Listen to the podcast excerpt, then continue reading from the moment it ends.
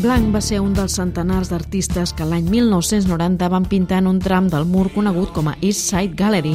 Va ser l'únic artista de l'Estat que va participar en aquesta iniciativa.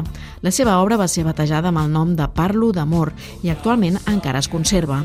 Ara ha fet una segona part d'aquest mural que vol ser un clam a estimar amb llibertat i per denunciar que l'homosexualitat es consideri encara delicte a molts llocs del món. Parlo d'amor parlava d'estimar de, de, amb llibertat a qui tu volguessis i se m'ha ocórrer la possibilitat d'explicar-ho ara, després d'aquests anys, explicar en diferents idiomes com es podria dir parlo d'amor per tal de reproduir aquesta pintura i fer una crida, una crítica, un, un clam a que molts països estimar en llibertat encara és un tema de presó i també de pena de mort. El projecte commemoratiu actual, impulsat per la Fundació que protegeix la memòria històrica al voltant del mur, comptarà amb la participació de vuit artistes més a banda de blanc. Uns quants artistes que van pintar fa 30 anys en el projecte Eye Gallery se'ns ha proposat participar i d'alguna manera a partir de les nostres pintures de llavors eh, se'ns demana una nova proposta fent una reflexió respecte a què ha representat tenir una obra d'art damunt del mur de Berlín. No?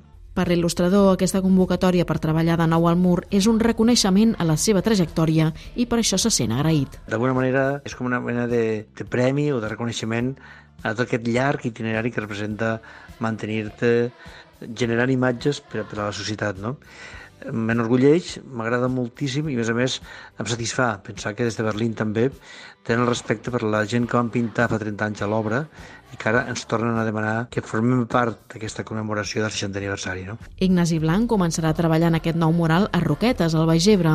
El seu municipi nadiu està de festa major i Blanc treballarà de cara al públic en una reproducció a mida real del mur de Berlín per fer-hi la nova versió del treball Parlo d'amor.